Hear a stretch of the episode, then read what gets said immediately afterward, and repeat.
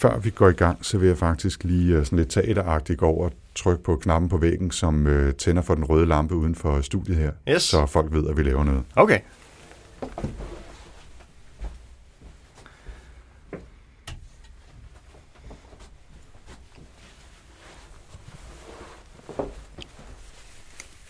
Jeg ved ikke, om man kunne høre trykket over på væggen, men det var faktisk første gang, at, øh, at jeg tænder for den røde lampe.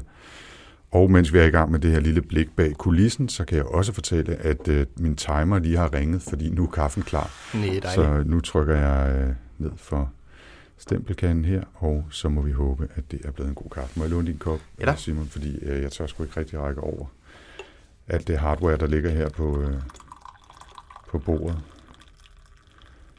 Jeg er bange for, at den er blevet en lille smule i den tynde ende, men øh, må ikke, må lad ikke os det se. går. Tak skal du have. Så kan vi drikke flere kopper.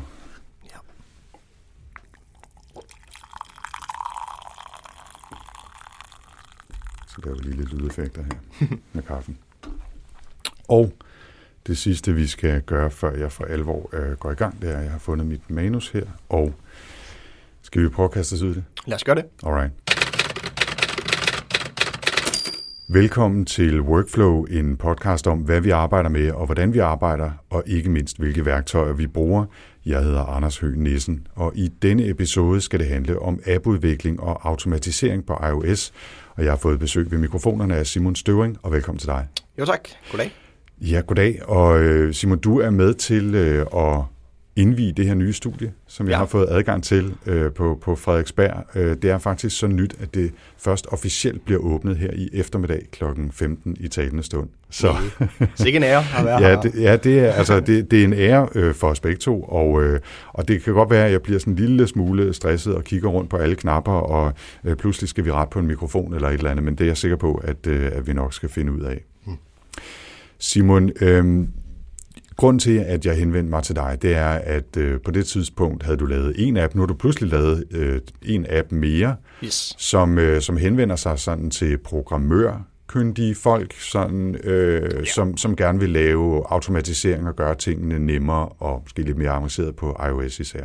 Ja, lige præcis. Og, øh, og det er de apps, vi skal snakke om og, og så videre. Men, men kan du ikke først fortælle lidt om, øh, hvem Simon er, før vi går sådan rigtig i, i dybden? Jo, det kan jeg godt. Øhm, jeg sidder som, øh, som udvikler i et øh, lille udviklingshus inde på Islands Brygge i København og øh, laver iOS-apps til daglig. Øhm, Og hvad, oh, slår jeg til min mikrofon. Og jeg rykker jeg også lige en lille smule til din, så den kommer lidt tættere på. Okay. Så fik man også lige det blik bag kulissen. Øhm, hvad, er din, hvad er din baggrund? Øh, hvordan øh, kommer man til at sidde der, hvor man laver appudvikling i et lille bureau på Islands Brygge? og jamen, øh, nærmest lige siden, øh, lige siden jeg har kunnet sidde ved en computer, der har jeg siddet og udviklet hjemmesider og apps og programmer og det ene og det andet. Og øh, da det så blev tid til at vælge studie, så valgte jeg at læse til civilingeniør i software, som i daglig tale bare hedder softwareingeniør. Mm. Øhm, og ja, så, Så tog Så det det her. andet. Ja. øhm, men det blev jeg i 2016. Og, og øh, hvordan havnede du herover så? Jamen, øh, så fandt jeg mig en lille kæreste, der bor i København, og øh, så fandt jeg mig et dejligt job i København, og jamen, så måtte man jo ligesom rive, rive rødderne op, og så flytte over, over broen. Ja, vi er glade for at have dig her. Jo tak. Jeg er glad for at være her.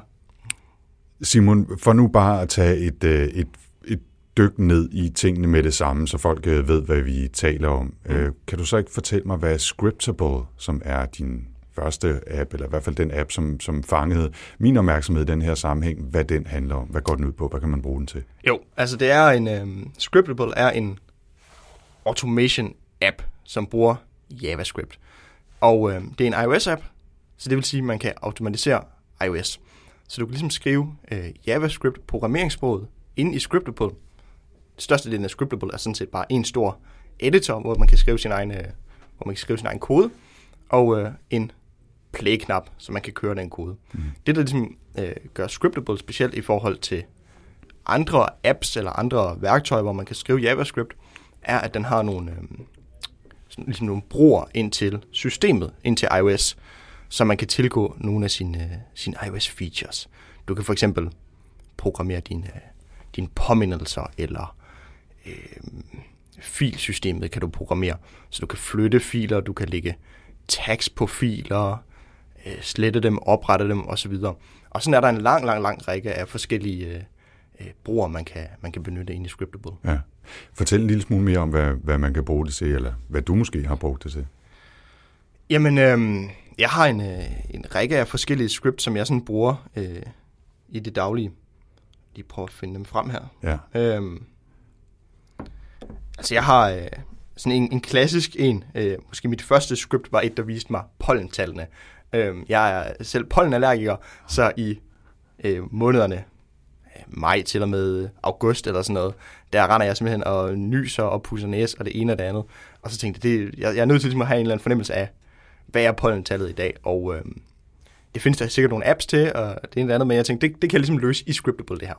Øh, så jeg skrev et script, der henter noget data fra, øh, fra DMI, og øh, parser den data og viser det i min app. Øh, så jeg ligesom kan se pollentallet for de forskellige træsorter, øh, og få en fornemmelse af, hvor slemt bliver det i dag. Ja. Øh, så man kan sige, det er ikke et script, der ligesom bruger øh, noget af systemfunktionaliteten, som sådan. Det laver selvfølgelig nogle, nogle netværkskald, som jo også er på en eller anden måde en del af systemet. Øh, men så har jeg andre scripts, som jeg bruger min kalender for eksempel til, hvis jeg sidder i øh, et møde, øh, eller hvis jeg, hvis jeg skal have et møde, øh, og lige hurtigt skal booke et eller andet mødelokal ind på, på kontoret på Shape, jamen så har jeg skrevet et script, der kan, øh, der ligesom læser de kalendere, vi har for mødelokaler. Så på Shape fungerer det på den måde, at vi bare har sådan nogle Google Calendars, som er øh, for hver vores mødelokaler, og så kan man gå ind og lægge et, et event ind i den kalender, og så har man booket det. Øh, så jeg har ligesom lavet et script, som øh, læser de tre kalender af det, og ser, om der er et mødelokale ledigt lige nu. Og hvis der er det, så booker den det i en time for mig. Mm. Det bruger ligesom kalenderintegrationen. Ja. Øhm, er der nogle øh, eksempler, nogle af dine brugere har fundet på, som, som du har set, som, som du synes har været sjove eller interessante, eller måske har overrasket dig, hvor du har tænkt, nå, kan man også, kan man også gøre det med Scriptable?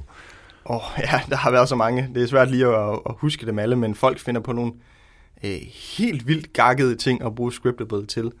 Altså, jeg havde øh, på et tidspunkt en, som, øh, som sendte mig en, en support-mail, fordi han, han havde lidt problemer med sit script, øh, og jeg ville selvfølgelig gerne hjælpe ham. Øh, det viste sig, at det script var et, som kunne læse øh, sådan nogle, øh, to artikler fra hjemmesider og læse det op for ham.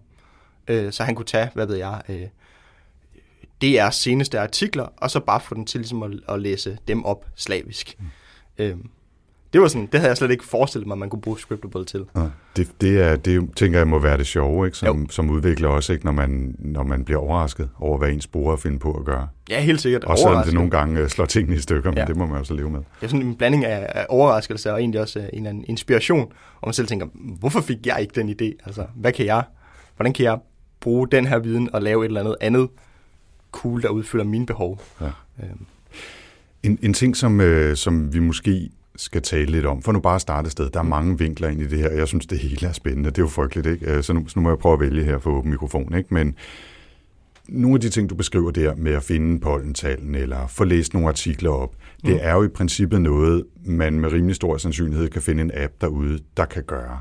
Hvor, hvorfor er det så, at man ovenikøbet med, med blod, sved og tårer skal sidde og skrive et, øh, et stykke program, som, øh, som kan gøre det for en i Scriptable? Hvad, hvad er sådan ideen i det?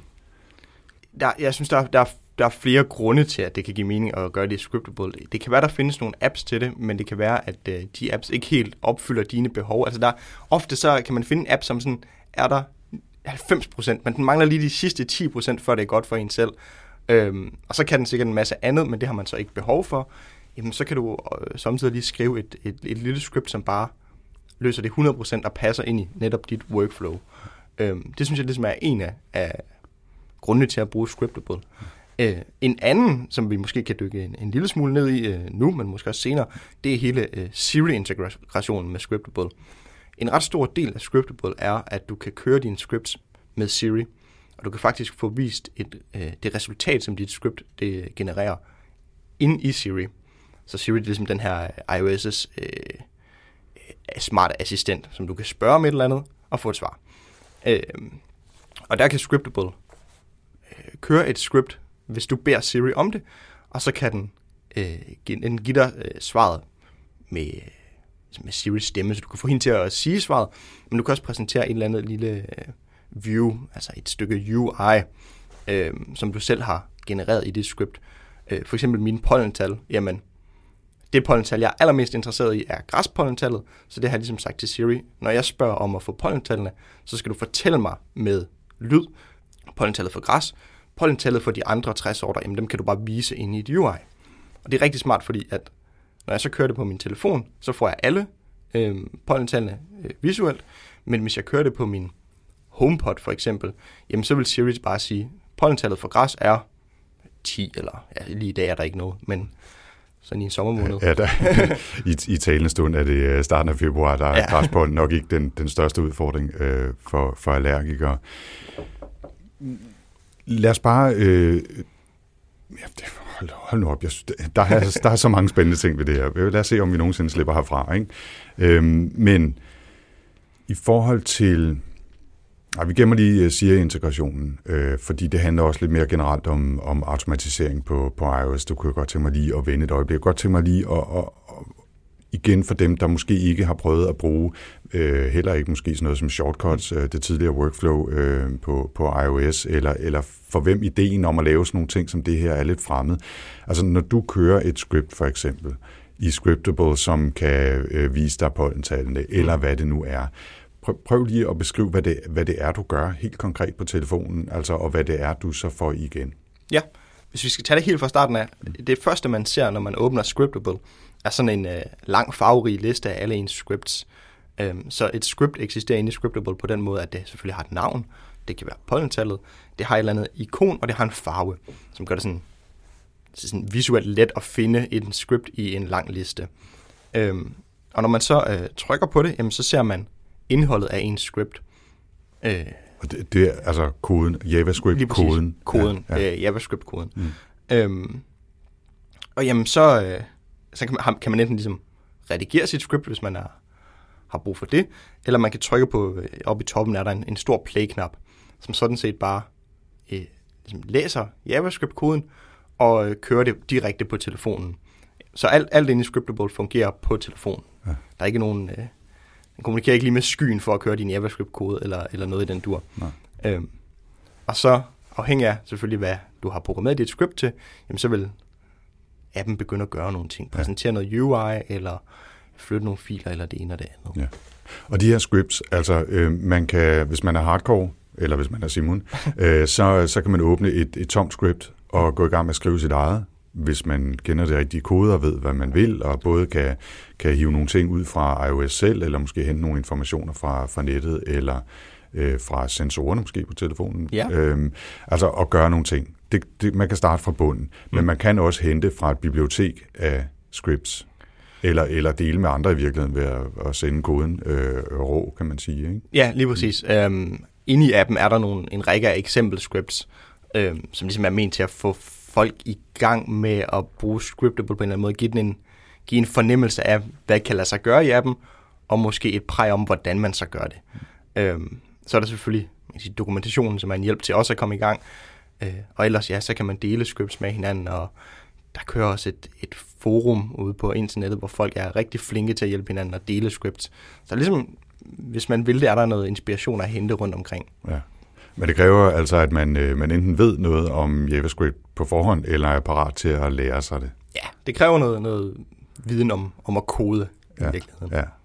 Øhm, jeg kan fortælle øh, i, i sådan en halv parentetisk øh, sammenhæng her, at jeg for snart tre år siden, tror jeg desværre, jeg må melde, det er, øh, gik i gang med et øh, JavaScript-kursus på Codecademy, øh, som er den her online læringsplatform, hvor man kan tage en hel masse gratis øh, introducerende og også lidt mere avancerede kurser i, i ting som netop JavaScript eller HTML eller, eller Ruby øh, eller hvad det nu er. Jeg, øh, problemet med det dengang for mig var, at jeg havde ikke rigtig noget at bruge det til.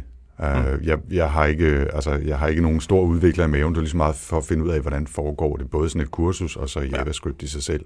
Men, uh, men efter jeg har kigget bare en lille bit smule på Scriptable i den her sammenhæng, så har jeg tænkt, måske skulle jeg vende tilbage til det kursus, fordi nu har jeg pludselig et mål med det. Altså nu har jeg lige pludselig et mål med, ikke nødvendigvis at kunne skrive en hel masse kode fra bunden, men at kunne se på noget kode, der er lavet, have en fornemmelse af, hvordan det virker, og tilpasse det lidt, hvis jeg har nogle lidt anderledes behov, hvis den skal hente information fra en anden kilde, eller hvad det nu kan være. Ikke? Ja.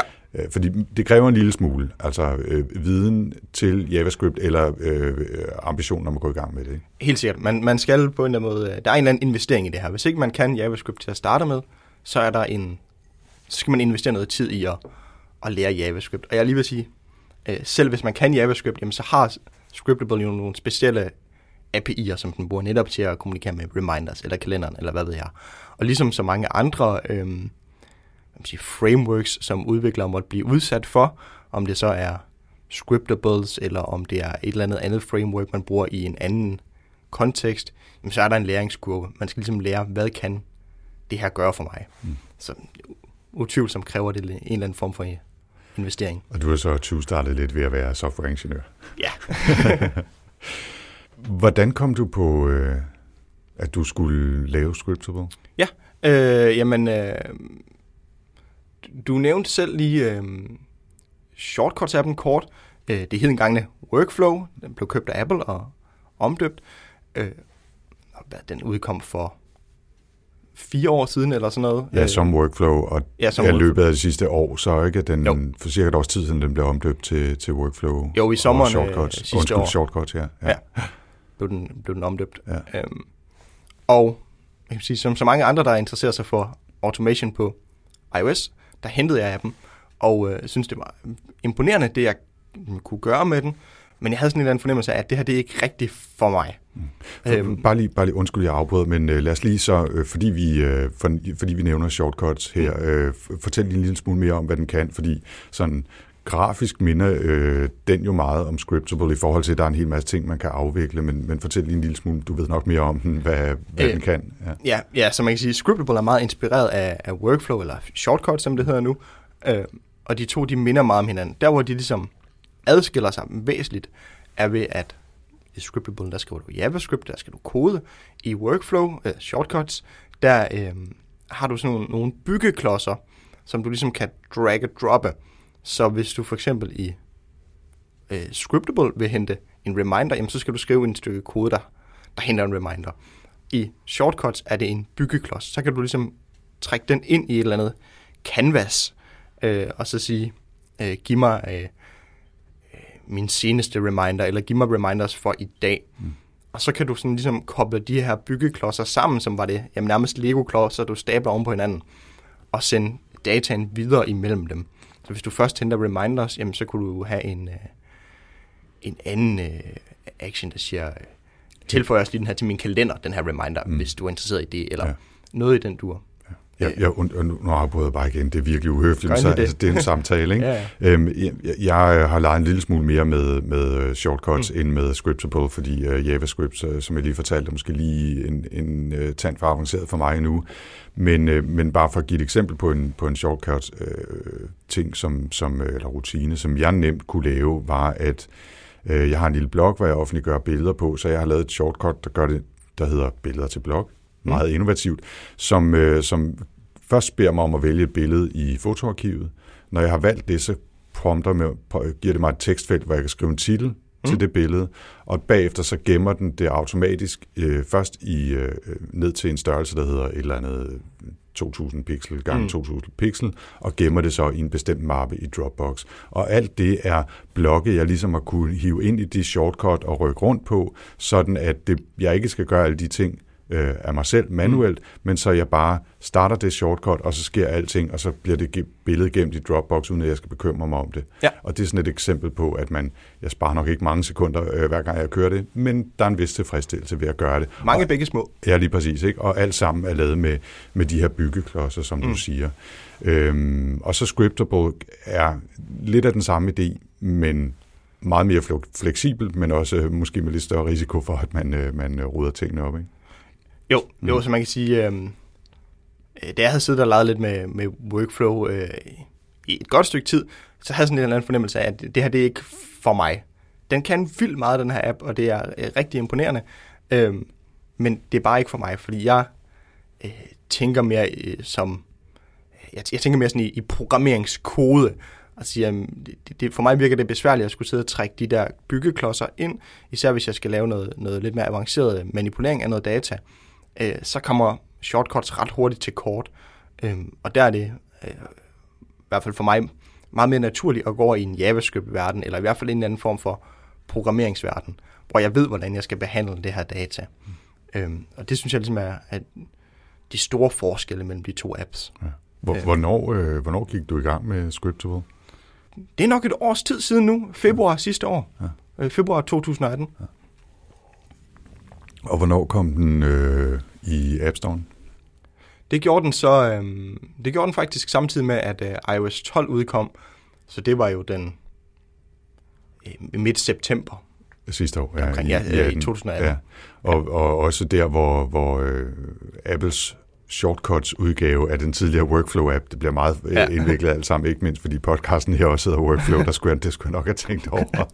øhm, men den, den øh, kommer også officielt, den havde været en del af betaen i, øh, i nogle måneder inden, ja. men kommer altså officielt ud til, han har sagt, det almindelige publikum der også. Ja. Så det var en meget god timing kan man ja, sige. det var meget bevidst, ligesom ja, at lægge sig i, ja, det i en eller anden mediestrøm, så at man kunne få, få nogen til at skrive lidt om ens app. Ja, fordi det som, øh, det som begge de her to app, og i virkeligheden også øh, Jason, de, de nye app, som mm. vi kan vende tilbage til lidt senere, øh, men altså, de beskæftiger jo sig med det, med, man kalder automatisering eller automation, mm. øh, især på iOS selvfølgelig. Øhm, og, altså, jeg har jo mit take på det. Jeg har lige beskrevet en lille automatiseringsrutine omkring billeder på bloggen, men, mm. men hvad, hvad, hvad er det for en... Øh, hvad er det, hvis du skulle beskrive det sådan på et lidt højere plan? Hvad er målet med automatisering på en, på en iOS-platform? Altså, hvad, hvad får man ud af det? Hvad, hvad er det? Hvorfor er det interessant? Som jeg ser det, så er der, øh, der er tre grunde til, at det er interessant i min verden. Mm. Og det er et, at, at, at gøre nogle ting øh, hurtigere, og to, gøre nogle ting øh, nemmere også i virkeligheden, og tre, at gøre nogle ting sådan, øh, lave et eller andet workflow, mm, hvad kan man sige, præcist.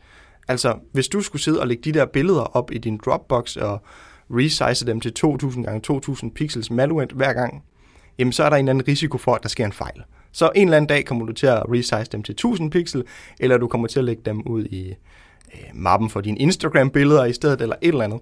Hvis du har et, øh, en shortcut, som kan gøre det, så gør den det samme hver gang. Mm. Øhm, og så jeg synes også, man kan godt lige knytte en, en, et punkt 4 til, og det er, at det bare er sjovere. Der er et eller andet dejligt ved, at, at, at maskinen ligesom gør noget for en. Ja. Øhm. Ja, det er, altså, jeg vil sige, det er jo en, en del af den gamle drøm, kan man sige. Ikke? Det er jo at sætte maskinerne til at gøre noget af det, det arbejde, som enten er farligt, eller kedeligt, eller beskidt på ja. en eller anden måde. Ikke? Øh, plejer at være det, man siger om robotter. Ikke? Mm. Øh, og, og i en eller anden grad også øh, software og computer. Er du så sådan en, som, øh, som automatiserer en hel, ting, en hel masse ting øh, i din hverdag også? Øh, jeg prøver, øh, og det er noget, jeg prøver at gøre mere og mere. Men det er sådan lige med at, at finde de små ting, man kan automatisere, og så derefter finde løsningen på dem. Men jeg synes, jeg har prøvet en del. Øh, både på mit arbejde har jeg lavet nogle, nogle shortcuts øh, og nogle scripts, som hjælper mig en hel del øh, i dagligdagen. Men også sådan, hvad kan man sige, hjemme i privaten, prøver jeg også at gøre en dyd ud af at se, hvor meget jeg kan automatisere. Altså jeg er gået øh, all in på Apples HomeKit mm. med smarte, smart devices, øh, Philips Hue og øh, smarte termostater, og jeg har koblet min Roomba op på noget HomeKit igennem Ja, det er en længere historie. Ja, det, det, det, det kan jeg fornemme. Det, det, lad os se, om vi, om men, når den. Ikke? Men, ja. Ja, ja. Men ja, så det, jeg synes virkelig, det er noget, jeg prøver at, at eksperimentere en del med. Okay. Hvad synes du, det gør for dig derhjemme? Altså, er det, er det, tænker du, hvis du skal være helt ærlig, at det er en nørdet interesse, og den tid, du lægger i den, bliver ikke nødvendigvis opvejet den tid, du sparer, øh, eller føler du rent faktisk, at du gør nogle ting øh, hurtigere, nemmere og mere præcist, og at du måske ovenikøbet sparer noget tid, du så kan bruge på at, øh, at øh, læse, eller kigge ud af vinduet, eller meditere, eller være sammen med andre mennesker? Eller hvad du nu laver, når du ikke sidder og programmerer. Ja, jamen det, det, det føler jeg. Øhm, jeg synes, der er, øh, for mig i hvert fald, to lejre. Øh, på arbejdet handler det meget om, at jeg gerne vil lægge mig i det i, i, i punkt 3, altså det, at noget skal være præcist, det skal, det skal være det samme, der sker hver gang. Altså hvis jeg skal oprette nogle øh, issues på Jira. Vi har ligesom, hvis vi får en opgave ind, øh, vi som udviklere skal løse, så har vi sådan en issue tracker ind på, øh, på noget, der hedder Jira, mm-hmm. som kan, ligesom kan fungere på forskellige måder. Du kan have et, et Kanban-board, som nogen måske kalder det fra Trello, eller en liste af alle de opgaver, man har. Og øh, der har vi ligesom nogle bestemte rutiner til, hvordan de her issues de skal oprettes. Og det har så lavet nogle, nogle shortcuts, der gør for mig. Øh, så der, der er ligesom et spørgsmål om, at det skal være præcist. I, i, derhjemme er det også lige så meget noget med, at jeg gerne vil have hvad kan man sige, øh, et at spare tid, men der er også, der er også på en eller anden måde en, en behagelighed i det, at jamen, vi har investeret i en, øh, eller vi har købt en Roomba, fordi så skal vi støvsuge mindre. Og jamen, det er et, behageligt, sjovt, og vi sparer tid. Øhm, så kan man sige, jamen, sparer jeg reelt set tid ved, at min øh, Philips Hue pære automatiserer øh, noget lys for mig? Nej, ikke rigtigt, men der er, øh, det er enormt behageligt, når jeg står op, at lyset så lige er dæmpet, øh, tændt ind i stuen, øh, men dæmpet. Øh, for mig er det i hvert fald en god måde lige at, at vågne op på. Jeg, jeg kan sige, uh, ikke fordi det skal være en reklame for nogle særlige produkter her, men jeg har også øh, Philips Hue pære derhjemme, og har ikke automatiseret super meget, men har dog sat op sådan, at, uh, at de tænder automatisk, når solen går ned for tiden. Og det er jo noget af det mest basale, man kan gøre. Jeg bruger en tjeneste, der hedder IFTTT, den kender du selvfølgelig. Det er der også sikkert også mange lytter, der gør efterhånden, If This Then That, som gør det meget enkelt via nettet eller appen, det er jo det samme basalt set, øh, at lave en, hvis det her sker, så sker noget andet. Og man kan koble en masse tjenester sammen fra Dropbox til Instagram til øh, Google Docs til 27.000 forskellige sociale tjenester og alt muligt andet. Men man kan altså også gøre det sådan, at den automatisk ser på tiden for min geografiske zone, mm. og siger, hvis, når nu solen går ned her klokken et eller andet i talende stund 16.55, eller hvornår det er, jamen så tænder min Philips Hue pære på bestemte steder i hjemmet, hvor jeg på forhånd har sagt, det er de her pærer, der skal tænde. Ja. Og det er sådan en meget enkel automati- automation, mm. og man kan jo sige, nå, men jeg kan da også bare gå hen og tænde, øh, eller hvis jeg ikke gider lidt røven, bare finde min Philips-app frem og, ja. og tænde for lyset manuelt. Men der er et, det giver altså en eller anden fornemmelse af, at magi i virkeligheden, eller, ja. eller glæde, øh, sådan en lille glæde i hverdagen, når noget sker, øh, som man godt kan lide, uden at man nødvendigvis har gjort noget ved det selv. Ja, ja. det er lidt det der med, at det er bare sjovt, hmm. på en eller anden måde. Ja, har du, har du øh, altså nu sagde du en Roomba, Philips Hue, øh, sagde du også termostat, og du ja, ja. har HomePod og bruger, bruger Apples øh, HomeKit til at få alle de her ting til at spille sammen. Altså har du et eller andet øh, crazy system med, at når, når Roombaen øh, starter, så blinker alle lysene, eller et eller andet åndssvagt? Nej, nej øhm, øhm, ikke rigtigt. Jeg har eksperimenteret lidt med, med diverse bare for, for sjov. Jeg havde på et tidspunkt sådan et, et setup, hvor at øhm, afhængig af temperaturen inde i mit lokale, så vil øh, farven på mit lys justere sig mellem øh, en meget, meget mørk blå, hvis der var rigtig koldt, og en meget, meget dyb rød, hvis der var rigtig varmt. Mm-hmm. Og det er sådan noget, man har... Øh, man måske har kørt en, en, en aften, og så kommer kæresten hjem og siger, hvad delen har du gang i? Ja. Og så, ja, så må man ligesom rulle det tilbage. ja, ja.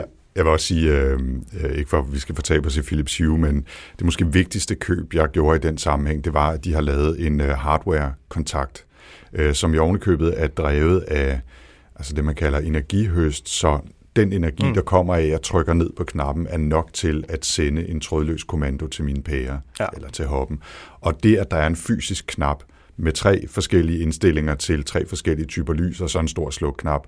Det er nok, som bare ligger centralt i hjemmet, så man altid kan gå hen og trykke på den, hvis man ikke gider finde sin telefon og sin app eller et eller andet. Det, det er måske det vigtigste køb, jeg har gjort i den sammenhæng. Ja, jeg har, jeg har også købt sådan en, øh, en, en knap der. Og jeg synes, det har været lidt et, på en eller anden måde et fjollet køb, for vi er også gået full circle nu. Mm. Vi havde øh, kontakter på, på væggene for at tænde og slukke vores lys, og så skulle det være så smart, at det hele skal automatiseres.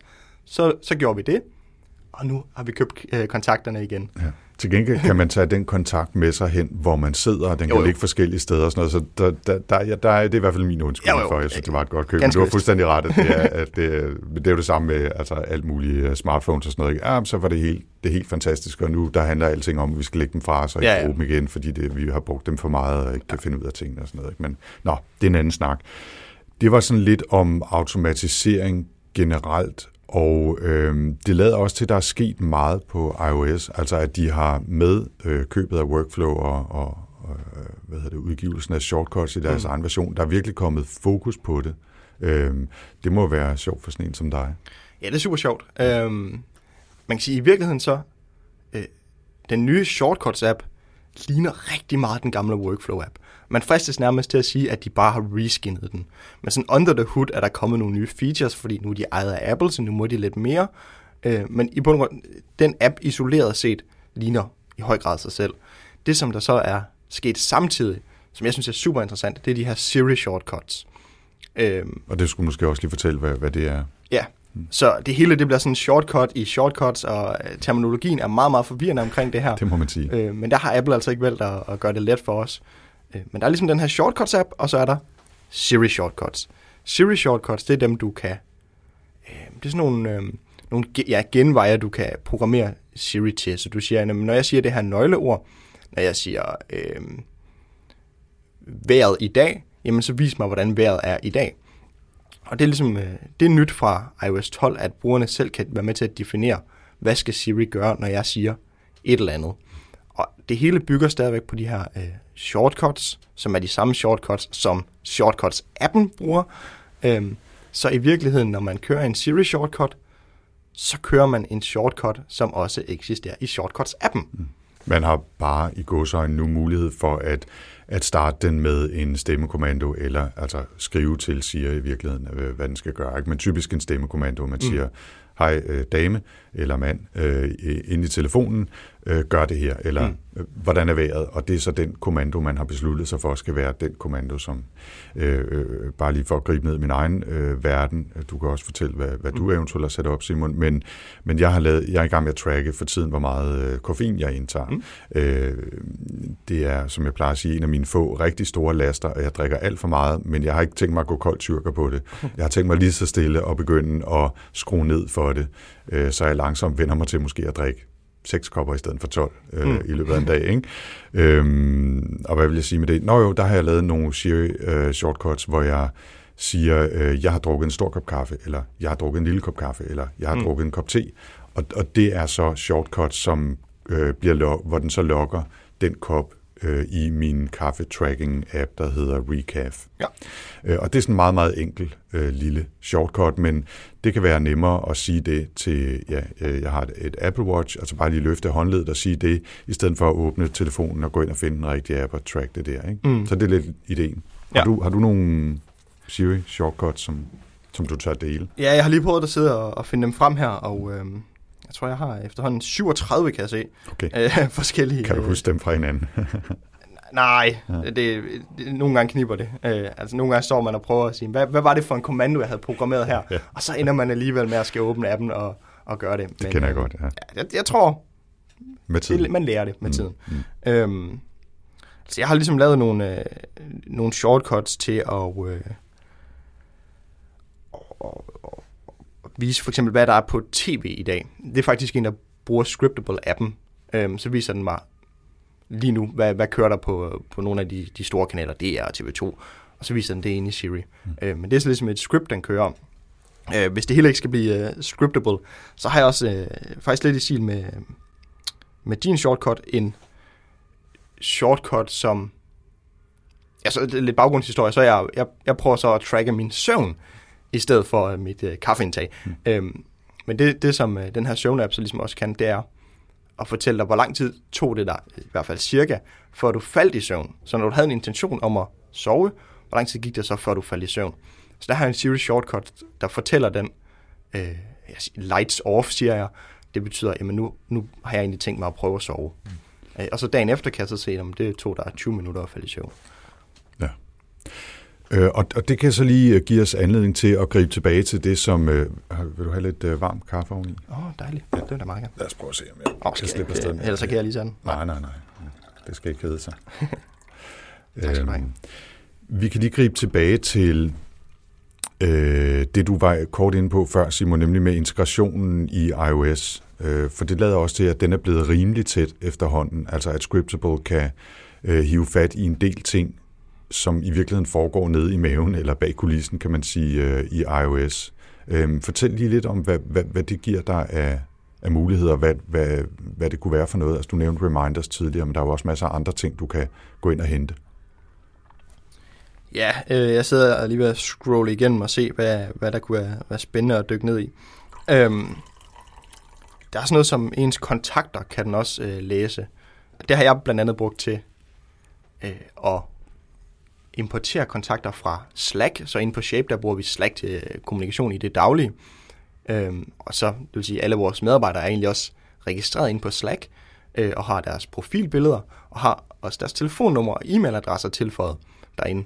Og det vil sige, at jeg kan opdatere min øh, adressebog med Scriptable ved at snakke lidt med Slacks API og hente listen af personer ud, som vi har i, i vores team, hedder det. Mm. Og så kan jeg opdatere min adressebog øh, med, med alle mine kolleger. Ja.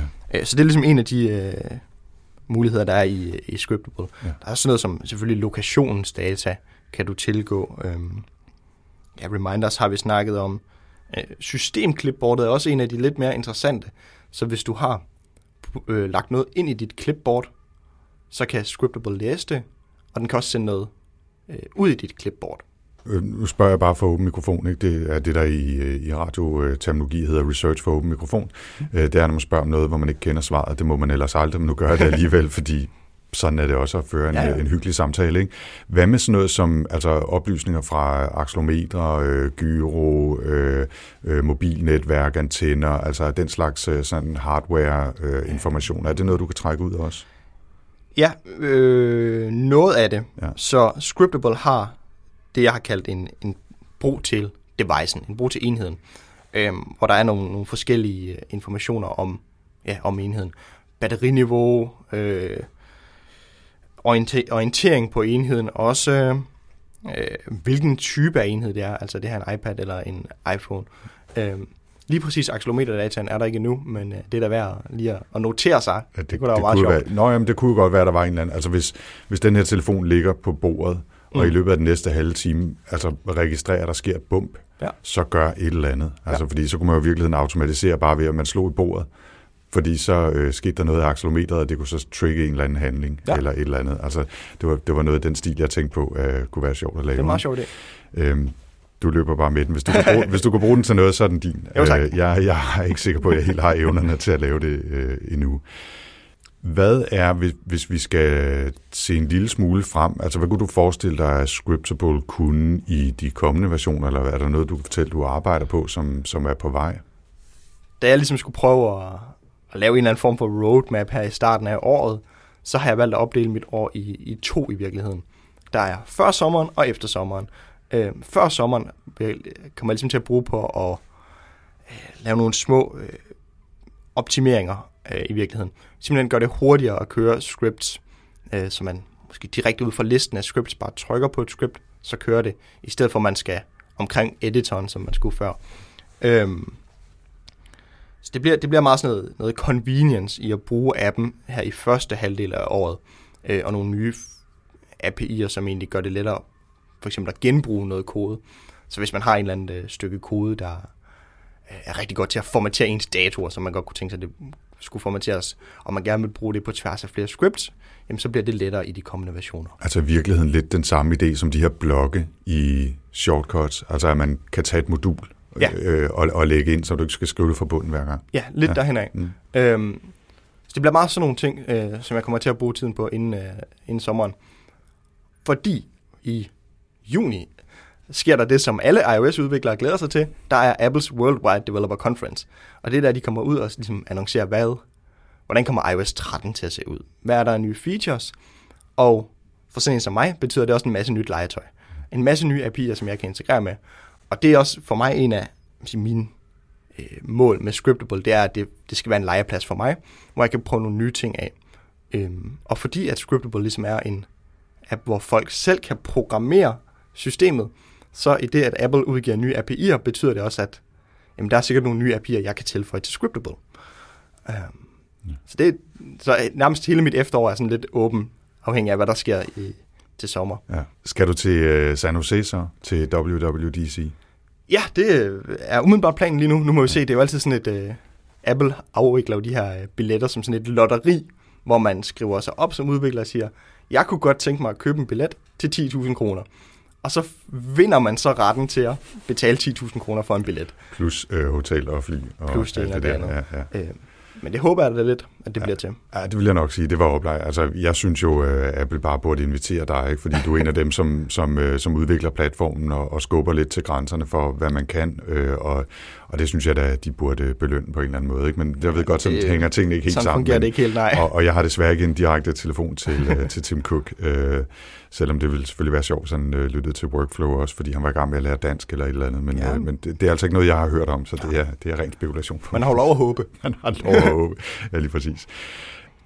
Mens vi er i gang med det der med, øh, hvad du laver, og hvad der er fremtidsplaner for, for Scriptable, så efter vi lavede aftalen om det her interview, ja.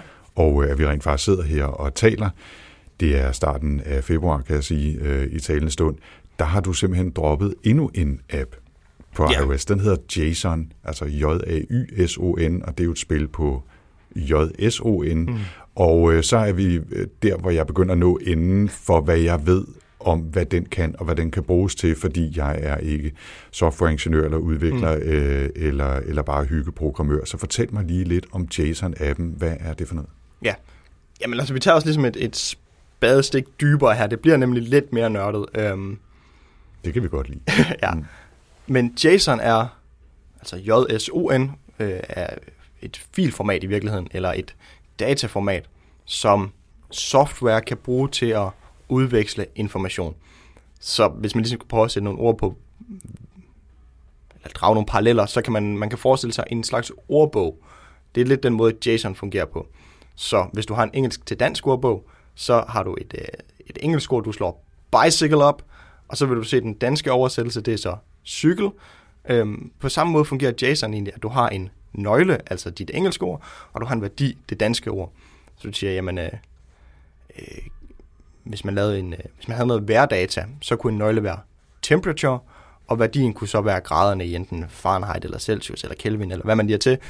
Øhm, og på den måde fungerer det ligesom som en, som en ordbog. Jeg får det, der, alle mine vejrudsigter i Kelvin. Ja. øh, det, det, der så også er um, sådan lidt specielt ved, ved de her JSON-ordbøger, det er, at de kan være øh, næstede. Så en nøgle kan ligesom pege på en anden ordbog, så man ligesom går et skridt dybere. Yes. Ja. Det var bare lige for at give Nå, en, det var en, en rigtig, rigtig god forklaring. Ja, øhm, tak. Og det er så det her data, som JSON, altså J-A-Y-S-O-N, øh, er, øh, er lavet til at, at forstå og visualisere. Fordi det er sådan ligesom, øh, det her JSON-format bliver udvekslet i plain text, altså ren tekst. Og hvis man har lange JSON-dokumenter, som man, man let risikerer at have, hvis man laver noget, noget komplekst software, jamen så øh, kan det være rigtig svært at danse et overblik over, hvad, for, hvad foregår der herinde i, i, i det her JSON. Og der har jeg så prøvet at lave en anden visualisering, så man lettere kan browse rundt i det, og sammenligne forskellige niveauer i det her JSON, altså sammenligne forskellige af de her ordbøger i virkeligheden. Altså øhm. i gamle dage, i meget gamle dage, i det er 20 år siden, hmm. sad jeg og lærte mig selv HTML en sommer, fordi vi skulle lave harddiskens hjemmeside på DR, uh, måske det ovenkøbet mere end 20 år siden. Og dengang, der, der var der jo begyndt at komme uh, editors frem, som så kunne fremhæve forskellige dele af koden, så man kunne se, om det her ligger uh, inden for samme p-tag, eller hmm. hvad det nu er. Det fremhæver en, en HTML-ref-tag, så man kan se, at det her er link nemmere, når man kigger ned over det det er lidt den samme idé. Altså visualisering af noget kode, som gør det nemmere at navigere i, ja, eller noget det, data. Ja. Det er lidt, uh, lidt det samme. Ja, okay. Øhm. Så, og det, det lyder som om, at det henvender sig rigtig meget til programmører eller softwareudviklere. Øh, eller hvad? Jamen, det gør det. Man kan sige, at grunden til, at det er lidt interessant i sådan en automation-sammenhæng, er, at hvis man, hvis man tør sig derud, kommer man rigtig hurtigt til at øh, kommunikere med nogle API'er, som leverer JSON-data når man bruger scriptable eller shortcuts. Og de her API'er behøver altså ikke at være vildt komplicerede, og hvis du har en eller anden tjeneste, som, som ligesom er, øh, bruger meget, om det så er øh, noget time tracking eller Airtable eller hvad ved jeg, jamen så har de formentlig et API, så man kan bygge et eller andet ovenpå det. Og det vil formentlig også være JSON-data, det ligesom udveksler. Så hvis man bevæger sig ned ad den sti, kommer man ret hurtigt til at arbejde med JSON på sin telefon og ind i shortcuts-appen. Så det, som JSON ligesom øh, tilbyder, er en ret let måde inde fra shortcuts eller scriptable og browse JSON. Mm. Og jeg vil sige, altså, øh, for at gentage mig selv, så er jeg altså ikke øh, udvikler eller programmør, men jeg har jo allerede stødt på JSON en del. Hvis jeg mm. tager backups af, af mange af mine tjenester, så får jeg mulighed for at typisk downloade nogle øh, CSV-filer, eller øh, det kan være JSON. Mm. Øh, man, ja. man tager backup øh, af, sine, øh, af sine informationer fra, nu kan jeg ikke på stående fod huske hvilken, men måske fra Airtable, måske i virkeligheden, eller fra Bear, nej, Bear, det ja, kan jeg ikke huske, man kan tage JSON. Men i hvert fald nogle apps, jeg bruger, hvor jeg får mulighed for at downloade en... Øh, JSON-fil. Mm. Og så sidder jeg og tænker, jamen det er fint nok, hvad skal jeg med den? Ikke? Men det kan jo så være, at det bliver relevant, hvis jeg på et eller andet tidspunkt graver mig dybere ned i noget automatisering via Scriptable for eksempel, at det så bliver relevant for mig at kunne se på den information på en anden måde. Ja. Eller den data. Ja. Det kan i hvert fald være lettere for, for andet software at forstå det data end så meget andet. Ja, ja. ja. Så, så den er også lige kommet. Så nu har du faktisk to øh, fritidsprojekter øh, på banen.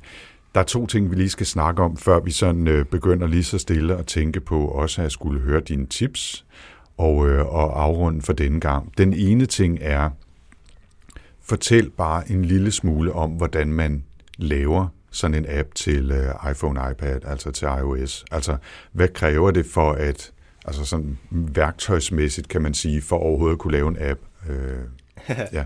ja. Ja, man kan sige, det er jo ikke nogen hemmelighed, at uh, du havde sendt mig det her spørgsmål på forhånd. Øhm, og det er et af dem, jeg har grublet meget over, hvordan, hvordan søren besvarer man lige det. Fordi det er en, um, en lang proces at lave en app. Um, så hvor skal man lige starte hen? Men sådan helt konkret, så hvis man beslutter sig for, at man vil lave en app, jamen så skal man, uh, i hvert fald hvis det er en iOS-app, så skal man have et program, der hedder Xcode. Uh, hvor man skriver sin kode i. Altså det er også en kode-editor, meget ligesom Scriptable. Du har et stort vindue, hvor du kan skrive din kode i. Ja, hvis du laver en iOS-app, vil det så være enten Objective-C eller Swift-programmeringssproget. Øhm, hvis man vil lave en Android-app, jamen, så skal du måske have noget, der hedder Android Studio, og ja, så skal du skrive Java eller Kotlin. Øhm, men de her øh, Xcode eller Android Studio er også ligesom et program, der indeholder mange andre små programmer til ligesom at få en i gang.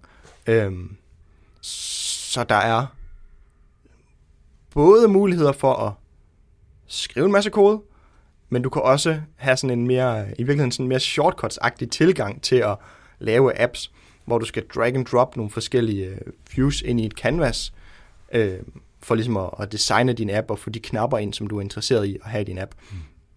Når du så har gjort det, så slipper du stadigvæk ikke for at skrive noget kode. Fordi så skal du ligesom begynde at trække, træffe en beslutning om, jamen, når jeg trykker på den her knap, som jeg lige har trukket ind, hvad skal der så egentlig ske under the hood? Øhm, ja, og det er ligesom, så er det bare en iterativ, iterativ proces derfra. Og så, når du har så designet din app og skrevet koden og hævet blokken ind og så videre, den kan det, den skal, eller du tror, øh, den kan ja. det, det, den skal, så gemmer du den og kan køre en test af det, og kan du gøre det så øh, i Xcode, eller skal du bruge en device, du kobler til, for at se, om, om det virker sådan, som du skal? Hvordan fungerer den del af det? Ja, ja så fungerer det så på den måde, at øh, som sagt, så indeholder Xcode ligesom flere forskellige apps, og en af de apps er blandt andet en simulator. Så du kan faktisk få en iPhone op på din, i det her tilfælde en Mac, øh, som, som ligesom kan have ved siden af Xcode-vinduet, og så kan du køre din app på Mac'en browse rundt i den og teste den og finde ud af, hvordan det hele fungerer, om det, om det er, som man vil have det. Du har også muligheden for at koble din iPad eller din iPhone til computeren og køre den direkte på enheden. Ja. Så der er sådan, det, det er en af de ting, der er sådan super fed ved mobiludvikling, det er, der er ret, i virkeligheden ret kort vej fra at have en idé, sætte sig ned og programmere den, og så have den i hænderne. Når du så først har den i hænderne, så er der så vildt lang vej, kan man sige på en eller anden måde, fordi så begynder alt det der så skal den udgives på App Store, og man skal have nogen til at få øje på den, og altså sådan. Ja. Nærmest først der, det bliver svært. ja, jeg skulle lige så sige, det er, det er den hårde del af ja. det. Øhm, og, og, og procedurer omkring App Store og sådan noget, det, det, det tror jeg simpelthen, vi gemmer til næste ja. gang, fordi det bliver, det bliver for internt øh, øh byråkratisk. Mm. Øh, det, det er bestemt ikke lige så sjovt som at høre som programmering. Ja. Øh, bare lige omkring Xcode, som, som, øh, som jeg ikke har haft fingrene øh, nævneværdigt i, men men det, du beskriver, øh, og, og, og hvad jeg måske har af, af småt kendskab til andre ting, det minder mig alligevel lidt om det, vi har talt om med øh, nærmest sådan en slags kombination af scriptable og shortcuts. Altså, der er både blokke, og man kan kode selv, og, og så gemmer man noget, som kan aflæses øh, i en bestemt sammenhæng, i det her tilfælde et shortcut, som telefonen kan afvikle, fordi mm. den ved, hvad et shortcut er. Øh, I tilfælde Xcode og appudvikling, så gemmer man noget, som er en app, mm. øh, som er pakket på en bestemt måde, og som, når man så lægger den på en telefon, så ved den, at det er en app, og de funktioner fungerer på den bestemte måde. Altså, der er en masse paralleller. Der er en hel masse og det, det øh, kommer naturligvis ikke som en overraskelse for nogen, øh, i hvert fald ikke for dig. Men, men det er bare interessant, synes jeg, at, at se det som en, en slags sammenhæng. Øh, bare lige en krølle øh, med Xcode er, at... Øh, Øh, især det sidste års tid har man jo talt rigtig meget om, hvorvidt man kunne gå iPad-only, altså at kun arbejde på en iPad eller en iPhone, og ikke behøve en Mac eller en anden computer. Hmm. Og, øh, og der bliver Xcode tit fremhævet som en af de ting, der faktisk ikke endnu kan køre på, på iOS-devices, og det er der nogen, der drømmer rigtig meget om, fordi så havde de faktisk muligheden for at vælge kun at arbejde på iPad og ikke skulle have en Mac. Øh, mm. Og det er der nogen, der vil synes var interessant. Hvad tænker du om den del? Åh, oh, jamen, hvad tænker jeg om den del? Altså, jeg, jeg sidder jo selv her med min, øh, med min iPad Pro ved siden af mig her, og jeg ville da øh, elske, at hvis jeg kunne køre, eller hvis jeg kunne udvikle apps på den. Øhm, men der er lang vej nu. Det som, der, det, som der vil være super fedt ved det, kan man sige, er, at du, øh, der, er, der er et eller andet smukt over det der med at udvikle på den platform, som du udvikler apps til i virkeligheden. For hvis du ligesom bare kunne, kunne tage din, din app, skrive den på din iPad og køre den på din iPad, jamen så får du i virkeligheden den rigtige oplevelse med det samme. Øhm, man kan selvfølgelig godt øh, koble sin iPad til sin computer, køre den på den og sådan noget, men processen bliver på en eller anden måde lidt større. Ja. Så det vil være rigtig fedt. Ja. Øh, en, en, en, en, lidt en, en sjov historie i den, i den forbindelse er, at der har været en, øh, en super dygtig fyr, der hedder Louis, som har prøvet at prototype det her med, hvad nu hvis vi kunne skrive apps på iPad'en. Øhm, så han har ligesom lavet en, en kodeeditor til sin iPad, og så han skrev, kunne, ligesom, kunne skrive en del af sin app i den, tryk kør. Og det, der så er sket under the hood, det er, at den kommunikerer med hans MacBook, som kompilerer koden og laver, man siger, bygger appen, og sender den tilbage til iPad'en, øh, og så kan han køre den derpå. I virkeligheden det er ligesom, hvis han havde koblet iPad'en til computeren, lavet hele workflowet på computeren og kørt den på iPad'en. Men altså her fungerer det hele trådløst, og koden er skrevet på, øh, på iPad'en. Mm. Øhm, en super fed prototype, super sjovt at sidde og lege med. Det, der er lidt sjovt ved, ved den historie, det er, at Louis her nu sidder hos Apple og udvikler på Xcode. Så kan man jo begynde at spekulere. så, kan man, så kan man tænke, det kan være, at der sker noget snart. Ikke? Ja, ja. Man kan jo, igen, man har jo lov at håbe. Man har lov at håbe, og en af de ting, øh, jeg håber på øh, i forhold til iPad'en, som jeg også er rigtig glad for at bruge som den, den computer, jeg tager med mig alle vejen, altså min, jeg har en bærbar øh, Mac, men den står primært på, på et skrivebord. Ikke? Øhm, og, og for mig er det lyd, som er udfordringen. Altså, det er jo det, jeg beskæftiger mig med. Ikke? Og øh, hvis, hvis jeg optager på et, et SD-kort eller en anden øh, optager uden for iPad'en, så er det meget svært at få lyden ind på iPad'en, medmindre jeg har adgang til en anden computer, som kan læse det SD-kort og smide lyden op i øh, Dropbox eller et eller andet, så kan jeg hente ned, og det er ret besværligt. Mm. Ikke?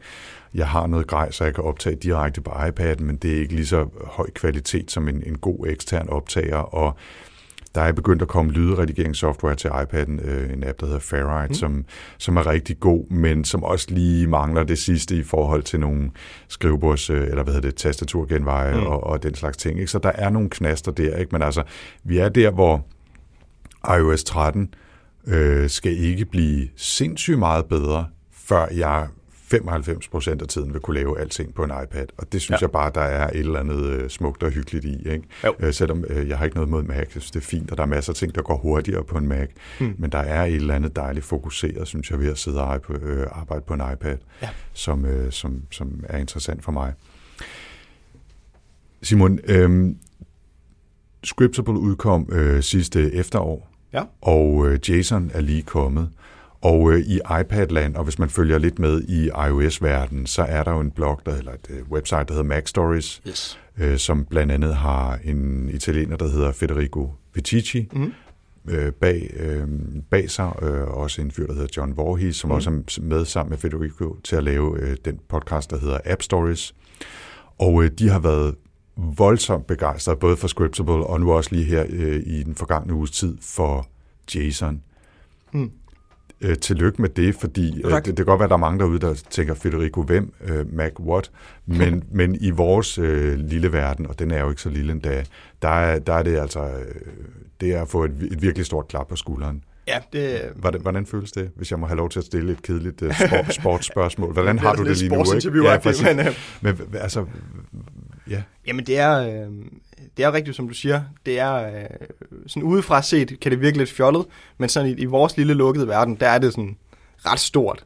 Øhm, især når man arbejder med, med sådan nogle automation og pro-apps i godsøjne, mm. øhm, så er det bare... Øh, det er, det er der, man gerne vil have, have lidt anerkendelse fra i virkeligheden. Altså, det er det sgu. Øhm, så det er bare øh, super fedt at vågne op til, at der så lige er en, en artikel om appen, og kan du se det i, i dine download-tal så? Øhm, ja, det kan jeg godt. Jeg kan godt se, at der kommer nogle, nogle peaks, når den lige er op og vende på øhm, enten i App Stories podcasten eller på, på Mac Stories bloggen. Øhm, og, og for det ikke skal være løgn, så øh, ikke for, at der skal gå andet end i egen juice i den. Jamen, det må, Men, øhm, må man gerne. Ja. Men i øhm, december afviklede Federico Vicici, John Voorhees og øh, hele Mac Stories øh, banden der, øh, deres Mac Stories Select, som de kalder det, hvor de ligesom prøver at kåre nogle af de bedste apps for i år. Og der, øhm, øh, der var Scriptable ligesom, det blev, det blev desværre ikke den bedste app, men det blev ligesom sådan en runner-up app. Hmm. Så man kan sige, den landede på en, en anden eller tredje plads, eller hvad man nu vil, hvordan man nu vil oversætte det. Ja. Og det var der sådan en, en aften, hvor vi lige, øh, der blev lige åbnet en flaske hjemme. Jeg tænkte, ah, Det vil, jeg, det vil jeg altså også sige. Man skal huske at klappe sig selv på skulderen, når man har opnået noget. Ja. Og du har lagt et stort stykke arbejde i det, og nu får du den anerkendelse, det, det fortjener. Hmm. Det synes jeg skulle gerne, man må fejre. Og, og det er jo også, øh, altså øh, ikke for at, og, hvad kan man sige, løfte alt for meget på, på kulissen her, eller øh, kigge alt for meget om bag kulissen, men det er jo også en af grundene til, at jeg synes, det er sjovt at snakke med dig, for der er masser af appudviklere, mm. men der er også øh, der er også masser, der ikke rigtig bliver til noget, enten fordi de bare er uheldige og ikke kommer over øh, horisonten, eller fordi de er dårlige, eller et eller andet. Men, men her er faktisk, altså i min verden er det, er det jo dig, der er superstjernen lidt her, ikke? fordi du er, du er dansker og laver en app, som, som dem, der ved, hvad de snakker om, virkelig synes er fed. Og Mm. så det synes jeg, der øh, fortjener et klap på skulderen, også fra dem. Øhm, ja, og øh, der var et eller andet, jeg vil sige med... Nå jo, det sjove er jo at høre øh, John Voorhees og, og Federico prøve at sige Simon Støvring. ja, det bliver Fordi- altid Simon Stobring. det, Øhm, det, det, øh, det var noget, der gjorde, at det faktisk gik et stykke tid, før jeg opdagede, at det var en dansker, der stod bag uh, Scriptable, fordi Ja. at de fik fuldstændig ødelagt et navn. Men så, Ja, sådan er er det. Jeg hedder Hø til mellemnavn, så jeg ved, jeg ved Nå ja, du øh, kender det. jeg, jeg kender det. Øhm, Simon, vi kunne tale meget mere om det her, men jeg vil opfordre i stedet folk til at øh, tjekke Scriptable mm. øh, og også Jason måske, hvis de har lyst til at tage det spadestik dybere, som du sagde, og, øh, og kigge på det og se, om det kunne give mening i en automatiseringshverdag i samarbejde med som supplement, øh, supplement til shortcuts eller bare i godsøjen apps og tjenester som If This and That eller Zapier, som, som jo også kan nogle, ja. nogle ting øh, og, og griber ud i, i flere apps og tjenester rundt omkring i verden. Men før vi lukker og siger tak for denne gang, så mm. skal vi også lige have en tiprunde. Ja. Og jeg har bedt dig om at, at snyde og forberede dig hjemmefra og vælge tre tips, som jo kan være hvad som helst i hele Ja. verden, så jeg er meget, meget spændt på at høre, hvad du har at fortælle. Hvad er tip nummer et? Jamen altså, øhm, når jeg sådan lige sidder og kigger ned over listen, så bliver vi nok lidt i samme boldgade af, hvad vi har snakket om øh, her i podcasten. Så det, det bliver stadigvæk lidt nørdet. Det er øhm, fantastisk. Men jeg har prøvet at kigge på, ligesom, hvad, hvad fylder meget i, i min hverdag uden for netop Scriptable og JSON lige nu. Mm. Og øh, jeg har lige fået øjnene op for en, en ny tjeneste, et nyt stykke te- teknologi i virkeligheden. Jeg ved, en, en, ved egentlig ikke, om det er nyt, men jeg har først hørt om det her i år, øh, som er Smart DNS. Okay, det må, øh, det må du fortælle, hvad er. Ja. Der findes mange tjenester ude på internettet. Netflix, HBO, det ene og det andet. Og øh, de har rigtig meget godt indhold i Danmark. De har også rigtig meget godt indhold i andre lande. Øh, for eksempel Amerika. Og øh, der kan man ligesom bruge en VPN til at lade som om man er i Amerika. Og så kan man tilgå deres indhold, hvis ikke de har blokket for det. Ja, det er der jo så nemlig rigtig mange, der har opdaget, Ja. at, øh, at der er folk, der bruger VPN. Mm. Mm. Og de kan så se, kommer trafikken via en VPN-tjeneste, og så kan de blokere for det. Så man kan ikke få lov til at sidde her i Danmark og lade Netflix tro, at man sidder i USA.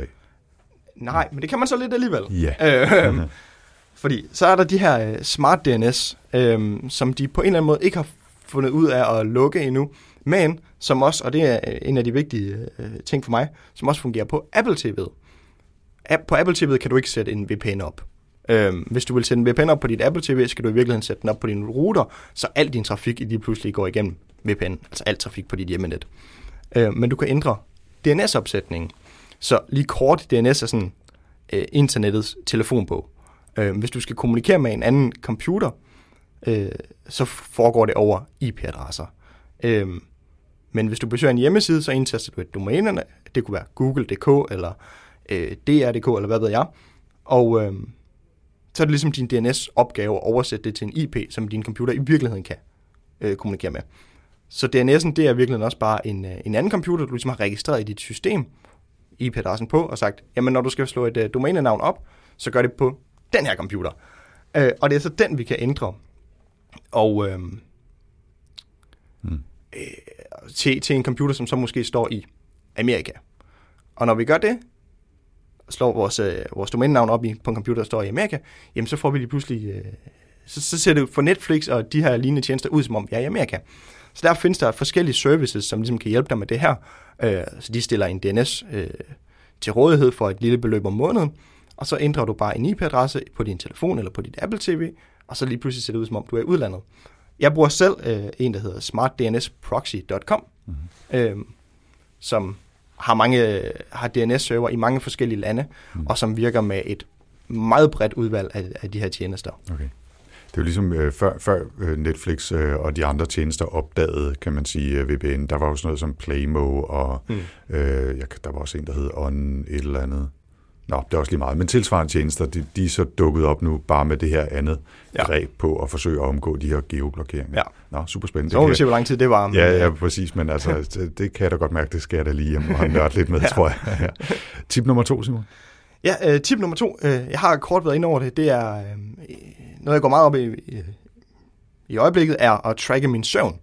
Øh, jeg har sovet vildt dårligt om natten i en langt øh, stykke tid, eller i hvert fald sådan uroligt. Mm. Og jeg tænkte, det kunne være sjovt, hvis man på en eller anden måde kunne øh, sætte nogle tal på det her, eller finde nogle mønstre. Så jeg har øh, hentet en app til min iPhone, som hedder Autosleep. Øh, og den, den fungerer rigtig godt sammen med Apple Watch'et også. Så når jeg ligesom går i seng om aftenen, så, øh, som jeg nævnte tidligere, så siger jeg, hey, lights off, og øh, giver den et hint om, at jeg har tænkt mig at, at lægge mig til at sove. Det behøver man ikke, det er en ekstra feature, som jeg bruger. Øh, og så har jeg mit, beholder jeg mit Apple Watch på, og så tracker den ligesom øh, de bevægelser, jeg laver om natten, for at få på en eller anden måde øh, visualisere, hvor øh, tungt jeg har sovet, og hvor urolig jeg har lagt osv. Og, og prøve ligesom at sætte nogle tal på hele det. Øh, ja. Hmm.